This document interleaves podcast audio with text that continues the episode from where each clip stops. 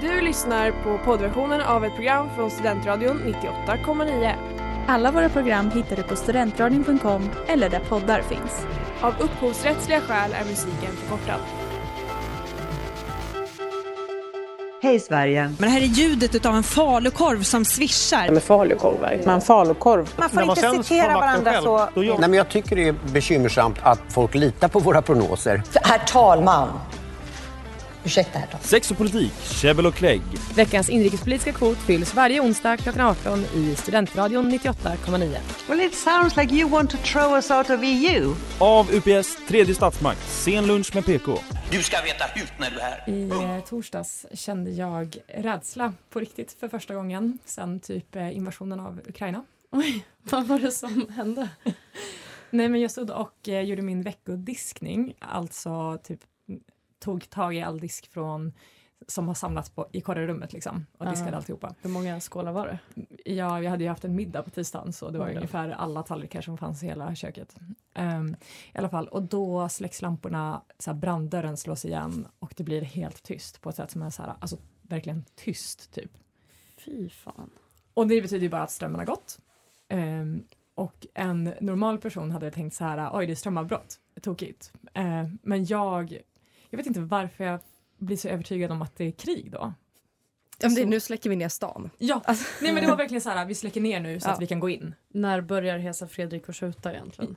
Ja, det undrar jag också. Och jag gick in, gjorde ju det naturliga då, eller ja, vi skrev i min korrechatt och det var ju jag och min korregranne då Lovisa som båda hade samma instinkt och vi var så, hon var så, okej då börjar vi samla vatten. Så vi står där liksom, alltså från att lamporna släcks till att vi står och fyller alla kastruller i hela köket med vatten, då snackar vi sekunder. Ja. ja. Ehm, och jag går in på P4 och där säger de ju ingenting. Alltså det är så här P4 Karlavagnen och typ så här, ja, Jörgen har precis börjat dejta typ. Känner du då att de har lyckats slå ner till och med det? Ja, precis.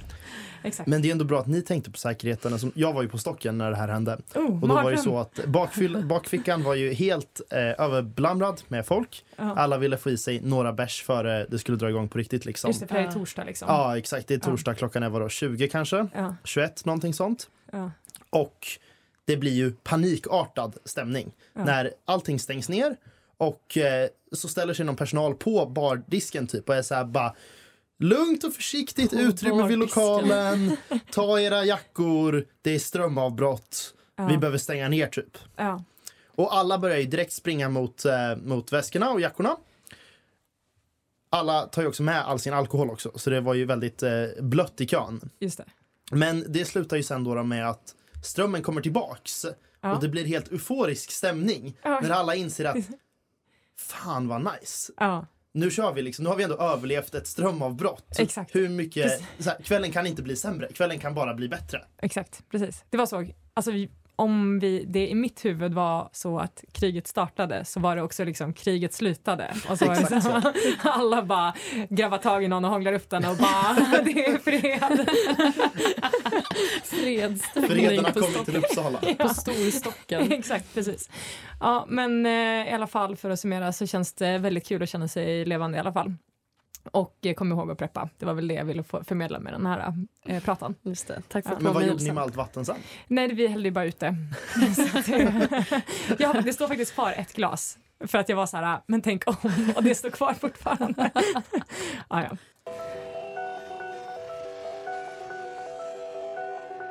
Det där var Supermooning med Armand Hammer. Ja, hej och välkomna till eh, veckans avsnitt av Sen lunch med PK. Det är lite special today för att jag och eh, Ingrid, vill du bara säga hej så man vet hur det låter? Hej, hej. Hon är från Umeå som man hör det ibland. Man säger bara Umeå har jag lärt mig, Mm. men skitsamma. Ehm, vi har två gäster med oss här idag. Eh, och det ska bli väldigt roligt. Eh, ni kanske också kan få säga era namn så att man hör er röst, förstår ni? Du kan få börja här. Lukas. Härligt. Ja, Sofie. Kul att ha er här. Och vi ska liksom tvinga er att presentera er själva först. Eller sen. Först ska vi presentera er. Jag tänkte att jag ska börja med eh, Lukas. Han går termin fyra på Polkand, läser statsvetenskaplig inriktning. Han kommer från Linköping, har varit och är politiskt aktiv i Moderaterna, jobbat för stiftelsen Fritt Näringsliv. Han återvänder till studion nu för rond två eh, efter att han var med i den här veggo Vegonormsdebatten. Vegotvångsdebatten. Ja, som vi hade i höstas inför invalsmötet. Eh, men som aldrig kom ut på podcasterappen. Ingrid, skulle du vilja berätta vem Sofie är? Ja, självklart. Vi har även med oss Sofie här i studion. Eh, Sofie läser termin två, det vill säga är inne och fördjupar sig i nationalekonomin och jämvikter och sånt där. Drunknar. Jättekul! Eh, hon kommer från Mälarhöjden och är således Stockholms representant i kvällens avsnitt, vilket vi är tacksamma för, så att vi lantisar inte tappar bort oss i samtalet. Eh, Sofie är inte politiskt aktiv, men absolut inte politiskt neutral heller, ska förtydligas. Eh, Tack varmt välkomna. Gud. Ja, Ingrid, vi har ju några frågor till dem. Skulle du kunna vilja förklara, eller skulle du vilja förklara varför vi har valt just det här? Bakgrunden till frågorna. Ja. Ja, precis. Jag har precis bevandrat mig i den kända datingappen Hinge. Min Eh, favorit. Mm. Unhinged, eller ja, i alla fall. Och vi tänkte att vi, eh, Hinge är så himla bra för att det kommer liksom massa naturliga följdfrågor. Så det är ett jättebra sätt att lära känna varandra. Jag har ju inte konverserat med någon, men jag har hört från andra att det funkar superbra. Ja. Eh, så jag, Jag tänkte kan att skriva under vi på det. kan väl eh, köra några Hinge-frågor på dem. Ja, eh, och nu gäller det rappa svar här för vi har bara två minuter på oss typ. Mm. Eh, så den första frågan till er, eller den ni liksom ska svara på, ja ni kommer fatta. Eh, mina vänner frågar mig om råd om dot dot dot. Lukas, vad frågar dina vänner dig om råd om? Ehm, Du kanske redan har ett svar som står i din Hinge-profil. jag har inte en Hinge-profil. Men ifall, nu, nu när jag väl kommit på alla de här promptsvaren så kanske det är dags för mig att skaffa. Ja, det tycker Eh, jag. Men mina kompisar frågar mig om råd om ehm, politik. Ja, rimligt. Frågar de dig om råd om var de ska rösta? Eh, nej, alla har redan de- tröttnat på när jag försökte så, köra en liten kampanj där Ja. dagen före valdagen. Just det. Just det, vad, vad de ska tycka då. Ja, jo men exakt. Perfekt. Eh, Sofie, vad frågar dina vänner dig om råd om? Ja, av någon anledning relationer. Alltså alla relationer. Men du Det har ju ett förhållande. Ja, precis. Hur länge har ni varit ihop? I två, mer än två år nu. Oj, Men då ligger det någonting i dina råd. Ja. Ja, men det kan ju göra det. Men problemet är ju att det är de andra kompisarna som är anledningen till att det har hållit i två år. Det är de som får hantera alla de kriserna. Just det, det är de som Så- borde be sig själva om råd kanske. Ja, jag tänker det. Mm, Så jag, jag vet inte ska vad jag börja- kommer med. Jag ska börja be dig om råd i alla Gör fall. Eh, ja, men nästa fråga, eller ja, fråga, ja, det är Ja. verkligen inga frågor. Men en typisk söndag gör jag... Punkt, punkt, punkt. Eller så här ser en typisk söndag ut för mig. Ni kan ju välja att vara ärliga eller liksom bygga upp en illusion om er. Eh, Sofie, du får börja. Ja, jag kan ju krossa illusionen direkt. Jag är hemma i Stockholm Mm. hos mamsen. Varje eh, söndag? Nej, inte, inte varje söndag. Till skillnad från vad mina vänner här tror. Ja. Men, eh, och rensar kylskåpet. Det låter som stockholmare som Ja. pluggar i Uppsala måste jag säga. Härligt. Vad Alltså gör du jag har ju inte ett så mycket bättre svar. I- Spenderar eh, söndagen bakis och beställer Foodora. Fy fan vad fult. Det där var Se dig omkring av Franska trion. Ja, nu ska vi rakt in i hetluften. Förlåt att jag använder ursäkta lingo. Jag hatar när jag råkar göra det. Nu ska vi rakt in i hetluften.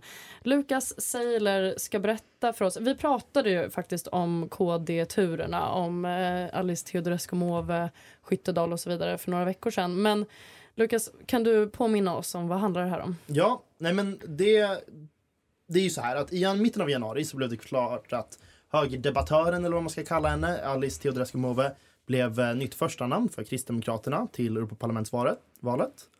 Ehm, det började ju helt enkelt med eh, alla turer om cannabis och Johan Ingerö som var partisekreterare och det, men det Mm. tänker jag att alla har koll på. Kanske mer intressanta det är ju att efter sommaren 2023 så hölls en intern rådgivande medlemsomröstning om vilka som skulle representera partiet i Europaparlamentsvalet. Mm. Och den omröstningen gick inte så bra för Sara. Hon vann inte den och eh, hon hamnade lätt så långt ner. Det slutade då med att eh, hon säger till alla att nej men jag ställer inte, jag ställer inte upp, jag står inte till förfogande. Sen ändrar hon sig i oktober en vecka före partifullmäktige då ska ha en omröstning och spika hela listan. Hon kommer tillbaks, hon kuppar in sig på första plats. Allt verkar frid och fröjd tills vi kommer till januari 2024. Mm. Då börjar det komma ut att eh, Sara Skyttedal hon har haft kontakter med Sverigedemokraterna. Hon har erbjudit olika tjänster Och partiledningen i Kristdemokraterna tappar ju förtroende för henne och hon blir petad. Mm. Då ersätter man henne med Alice Teodorescu Måwe som, hon är ju lite av en eh, borgerlig Anders Lindberg skulle jag säga. Hon är en borgerlig tykonom. Hon är heltidstykonom. Hon är med i tv, hon skriver för en massa olika tidningar. Och kanske mest intressanta det är att hon tidigare har varit huvudsekreterare för Moderaternas idéprogram. Mm. Så hon har ju en bakgrund i ett annat parti också. Mm. Och det är väl lite där problemet har varit nu med ett gäng kristdemokrater ute i landet som tycker att nej men det här, hallå, vadå ska vi kampanja för att en borgerlig moderat ska få sitta i Bryssel på vårt mandat? Det går ju Ja. inte. Um, särskilt också när det är så här, okej hon blev medlem dagen före hon, det blev offentligt att hon skulle vara första namn liksom. Just det. Så, så det, det är lite det som har varit reaktionerna. Ehm, men det jag funderar på det är så här, vad, tyck, vad tycker ni om att partier bara plockar in någon från gatan som redan är känd men som inte är känd som en profil i det här partiet utan bara en sån allmän debattör. Mm. Kommer det vara något man gör i större utsträckning? Alltså det kommer det väl vara. För de här personerna blir jag tror att det är med sociala medier, så blir de ju större. De når en större bas. Men framförallt är väl problemet att nu har man ju beskrivit det här som att det här är Ebba Buschs lilla kompis. Mm. Hon blir inplockad för att hon är Ebba Buschs kompis och Ebba Busch är nu sviken av Sara Skyttedal. Och därför kan inte Sara Skyttedal vara kvar. Och journalistkåren i Sverige har ju nu fått det här att framstå som en catfight. Varav Ebba Busch sitter på toppstyre, styr med massa trådar över sina lilla dockor i partiet och det har ingenting att göra med några sakliga grunder. Det är väl det, lite där det har mynnat ut nu i Det, debatten. det tycker låter jag. ju som att du inte håller med. Jag håller Eller? verkligen inte med. Nej. Självklart gör jag inte det. Hade det varit en manlig partiledare, inte för att vara den feministfittan, liksom, Ja. men hade det varit en manlig partiledare här som petar en kollega för att han har haft kontakter Ja. med ett annat parti inför Europavalet, då hade vi ju inte ifrågasatt det för, på tre sekunder överhuvudtaget. Vi Nej, hade men- inte heller, ja. Precis, alltså det är kritik. Menar du att, alltså, eller så här. Jag håller ju med om att det är toppstyrt. Det verkar det ju absolut vara. Men det kritiserar man ju Jimmy Åkesson också för. Men jag håller med om hela grejen med att det skulle vara en catfight. Mm. Det är det som inte ringer så gott i mina öron heller. Nej. Eh, där är jag med dig måste jag säga.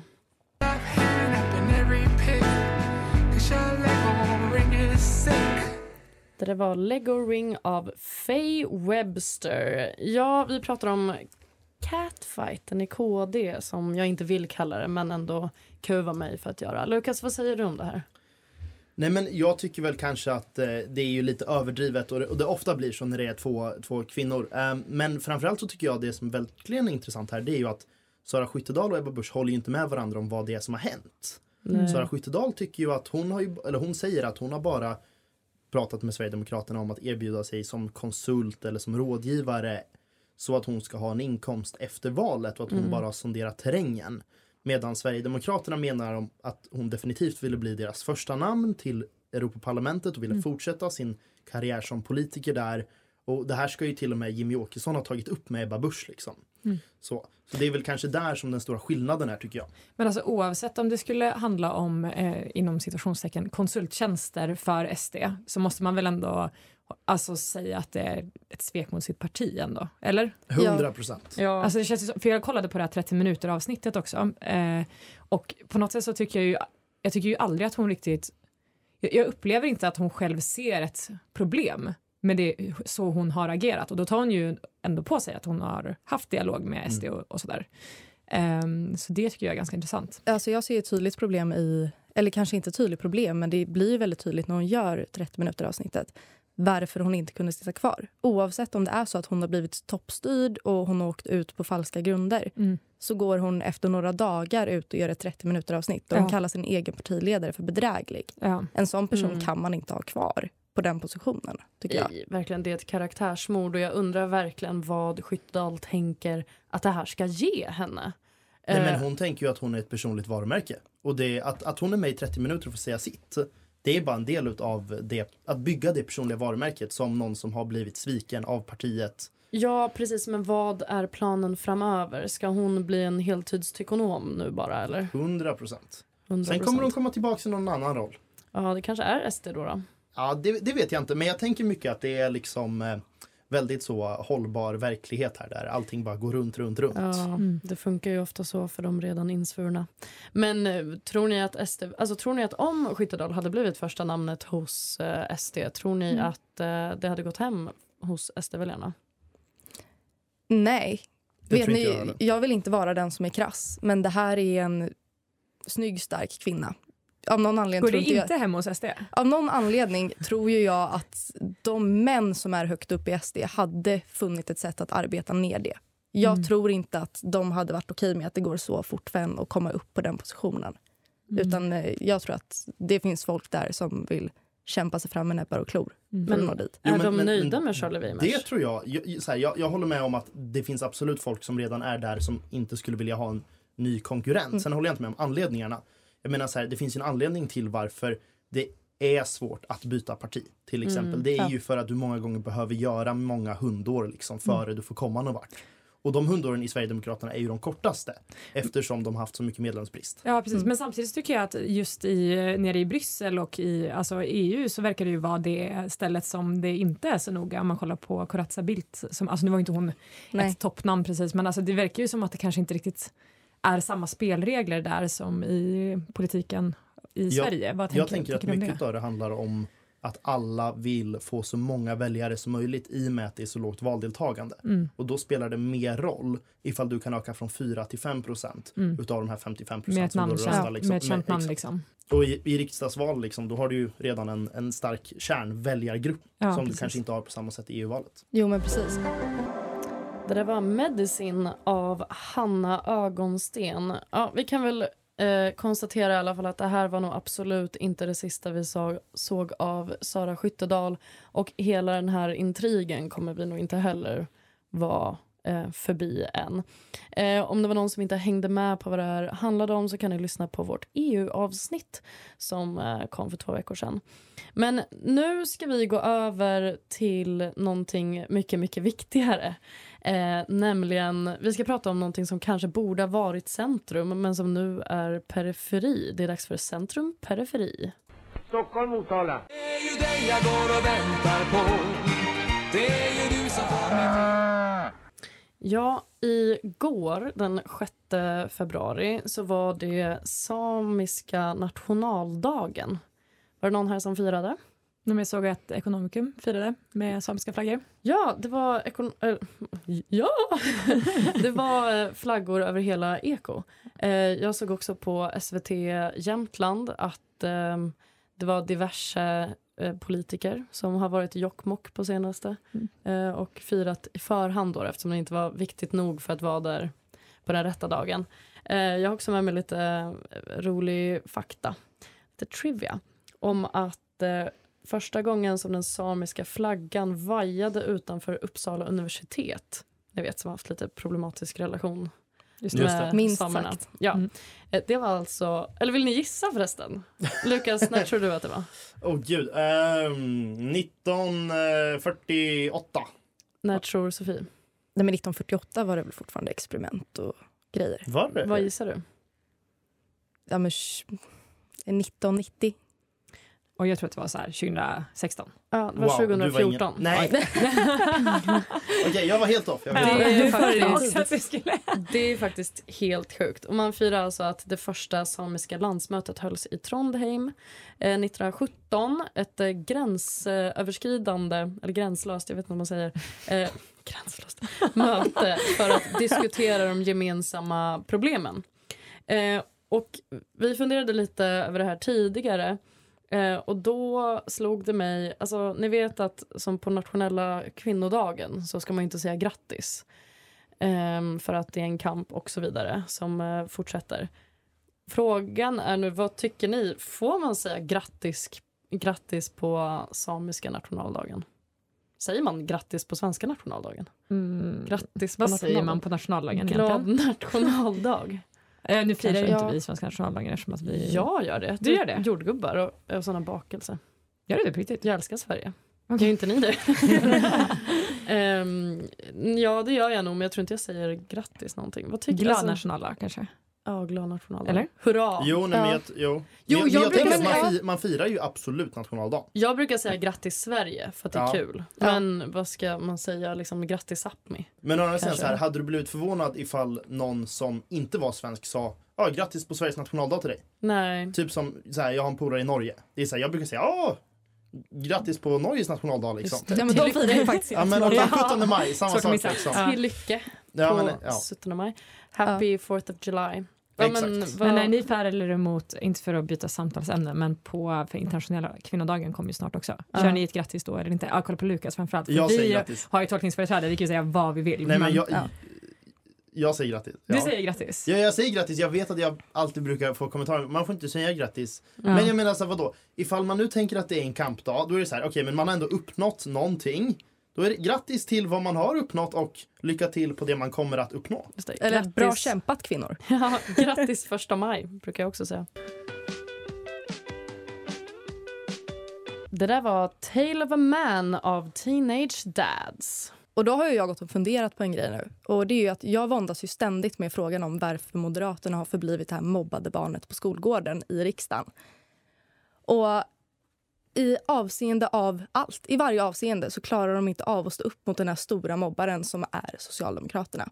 Som nu varken kan hålla upp sina egna värderingar eller samla den oppositionen de behöver för att ta över makten. Så låt mig exemplifiera det här. Vänstern rasiststämplade ju regeringen i höstas när höstbudgeten kom i samband med förslaget om att nyanlända eller asylsökande inte skulle få bo ute i samhället utan de skulle bo på så kallade mottagningscentra eller läger. Eh, och det socialdemokratiska ledet med Anders Ygeman i spetsen var ju då ut och naziststämplar regeringen för att vilja sätta invandrare i så kallade läger. Ygeman twittrar i samband med det här orden. Regeringen verkar ha en märklig förkärlek för läger. Kan det ha något med regeringsunderlaget att göra? Ett slag under bältet, menar många, in, inklusive jag. Eh, och för den sakliga politiken skull kanske man kan göra en poäng av att hålla sig från att bemöta sådana här uttalanden som faktiskt gör på Twitter. Det är ju lite småsint. Men vad Moderaterna som ledande regeringsparti hade kunnat göra är ju att påpeka faktum, nämligen att den 16 september 2021 gav Socialdemokraterna regeringen Ja, i regeringen så gav ju Socialdemokraterna en särskild utredare i uppdrag att se hur en skyldighet kan utformas i syfte att Migrationsverket ska ansvara för att asylsökande under sin första tid i Sverige ska bo i mottagningscenter. Alltså, det här är ett socialdemokratiskt förslag som har legat på utredning i två år när Moderaterna föreslår det i sin budget. Men tänker Moderaterna påpeka det här? Nej. Faktum är ju att Moderaterna i regeringsställning förlorar otroligt enkla matcher mot Socialdemokraterna. Jamal El-Haj, som jag tror att alla är medvetna om, deltog i en Palestinakonferens med Hamas-ledare närvarande. Eh, det här framkom ju då igen i med 7 oktober-attackerna och det tänker man, det här är ju rent guld för Moderaterna. Det här måste de ju ändå spela på. Nej, nej, nej. Ulf Kristersson står chanslöst när han i en partiledardebatt konfronterar Maggan med det här. Andersson lyckas ju då framkalla, krokodiltårar för att herr Haj har precis förlorat lite avlägsna släktingar i Gaza. Och vad är det vi minns från debatten då? Ja, det är ju att Ulf Kristersson lyckades få stackars Magdalena Andersson att gråta. Vad Ulf Kristersson hade kunnat säga är ju att anser S-ledaren att det på grund av familjetragedier är motiverat att umgås med kända terrorister när man är folkvald i Sverige? Eller inser S-ledaren att deltagandet i Hamas-konferensen skedde mer än ett år innan de här familjemedlemmarna gick bort? Men att sånt fick vi självklart inte höra. Utan frågan är när Moderaterna faktiskt ska få, upp, få stå upp mot de lojala väljare de har kvar och sluta svinga slag ovanför alla andras huvuden och kanske i alla fall leverera ett slag i magen mot S. Det där var Her Garden av Pax. Vi har precis fått höra Sofies brandtal om Moderaterna och Socialdemokraterna. Lukas, har du, har du någonting att säga om det här? Ja, nej men för det första tycker jag att man ska komma ihåg att det Anders Ygeman och resten av Socialdemokraterna gör, det är ju deras modus operandi. Alltså, de beskyller regeringen och naziststämplar regeringen för saker som de själva har gjort samtidigt som de undviker att erkänna att de själva har gjort det. Så att alla ska kunna känna att oh, Socialdemokraterna, det är de här med en bra känsla i magen, de är de snälla. Och sen så tar de, försöker de ju också ta cred för att ja, men vi la om migrationspolitiken redan 2016. Det är ju ingen som tror på det här. Alltså Nej. svenska folket tror ju inte på det här Jag måste själva. säga att som väljare är det ju jävligt svårt att förstå sig på dem faktiskt. Jag tycker ju att Socialdemokraterna har varit fruktansvärda i opposition. Ja, absolut. Men varför låter Moderaterna och Socialdemokraterna vara det här partiet som är den här lilla det är en bra känsla i magen. Alltså Men- varför inte daga upp all skit som det här partiet har gjort? Daga upp 40-talet för guds skull Jo, när ni får jo, jo, jo, jo, men då. jag menar så här, man ska också komma ihåg att alla ministrar har ju bara 24 timmar om dygnet och de måste ju faktiskt spendera tiden på att reparera det som Socialdemokraterna har förstört. Alltså, Käften. Men de fokuserar ju på att regera. på... Det är ju det som är vikten med Ja, att ha på- regeringsmakten. Ja, men på något sätt lyckades Socialdemokraterna fokusera på både och. Eller men hur bra gick För det då? Hur bra, det- hur bra gick det för oss under Ja, men de Socialdemokraternas hade ju åtta år? Men jag måste säga att eh, Peter Hultqvist och eh, Anders Ygeman hade faktiskt tid att hålla en presskonferens om varför so- Sverigedemokraterna utgjorde ett hot mot demokratin samtidigt som de satt i regering.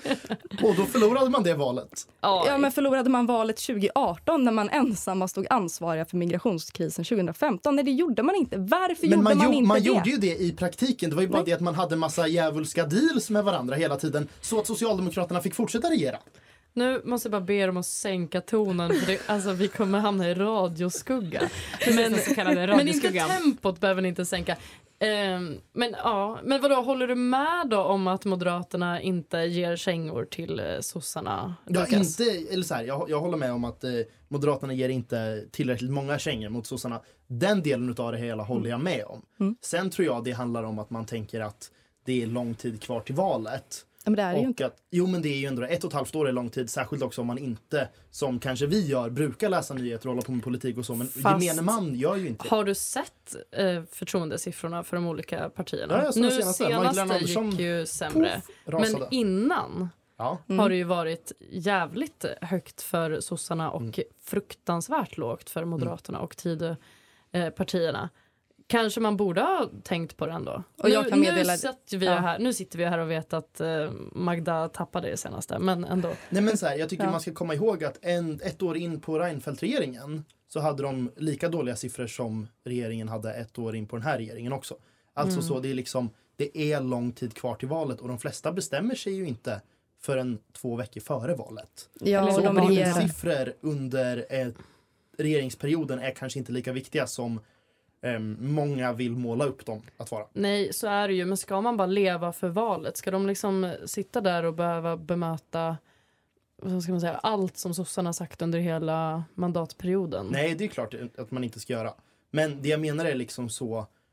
Det är svårt att bemöta allt. Och jag menar, om vi ska ta Jamal El-Haj till exempel då. Mm. Det är svårt att bemöta någon som får för sig att gömma sig i två, Ja. två månader. Alltså, så här, Ja, han vill ju absolut, inte svara man- på några frågor alls. Och journalisterna pressade ju tyvärr inte Magda eller Baudin på det här. Men de har ju haft år på sig att göra det här också. Alltså de här konferenserna skedde, det skedde en konferens 2017, 2019, om det var 2021. Alltså det skett flertalet konferenser. de har haft år är på sig att daga att fram det Moderaterna här. inte Agerar. uppvaktar det här hela tiden? Eller är problemet att Socialdemokraterna tillåter någon som håller på att vara kompis med kända Hamas-ledare att vara kvar som riksdagsledamot? Ja, det, Ja, men det är det, inte det kan vi alla komma överens Nej, om är men det problemet. Men, vi viktiga- kan komma överens om att om det var Moderaterna som hade Moderaterna en nazist i partiet, då kan jag lova dig att Socialdemokraterna, de Ja, men hade varit på okej, det på nu- fem sekunder. Nu är den dra- väldigt långdraget, men Socialdemokraterna, de är kvickare. Nej, Everything's beautiful av Hiatus Coyote. Någonting sånt. Eh, Lukas, hade du någonting att säga om det här lite ja, snabbt? nej, men jag tycker att det är fint ändå att även jag som höger och Sofie som vänster kan enas att Moderaterna måste vara lite hårdare mot Socialdemokraterna i debatten. Det tror jag hade varit väldigt mycket roligare att kolla på när det kommer till politik också. Ja, ja, jo visst. Men jag måste säga en sak om det här också. Att eh, jag måste faktiskt också få säga någonting om det här. Jag vill vara Ehm, med. Nej men att som politiskt kluven kan jag tycka att det är eh, nästan lite jobbigt eh, att... mm, Nu kommer jag in från ett helt annat håll här så jag ska Står försöka... du politiskt kluven på din Hinge-profil? ja. Det är också ett ställningstagande. Ja, Ja, det är ju det. Ehm, nej, men eh, vad ska man säga? Min, min värsta sak är ju när vad heter det? Partiföreträdare håller på så här mot varandra. Jag, jag, får ju, jag vill ju bara spy galla över det då. Mm. Då vill jag inte rösta på dem.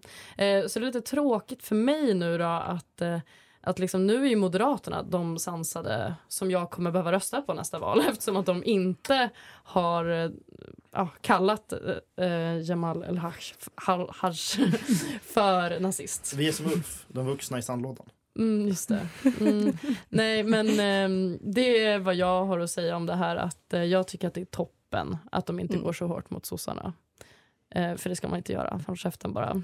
Det väcker ju ett politikerförakt. Kan lätt göra. Det gör ju verkligen det. Eh, och Fast man- inte för Sofie. Nej, Nej, det gör inte vill det. Jag blir bara trött. Ja. Jag förstår det.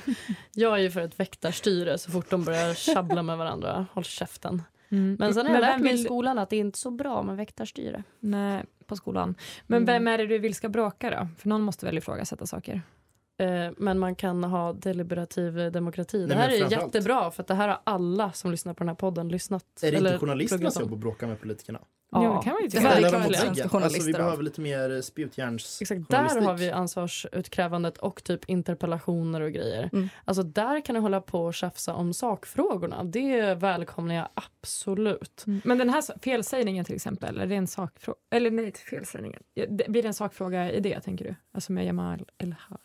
Ja, men jag tycker Ja, det att de kan prata. säga Jamal El-Hamas. Ja, exakt. Jag försökte, Ja. Det är det som jag har så... Det går i huvudet, men det ska vi inte... Alltså grejen att det blir ett sånt himla...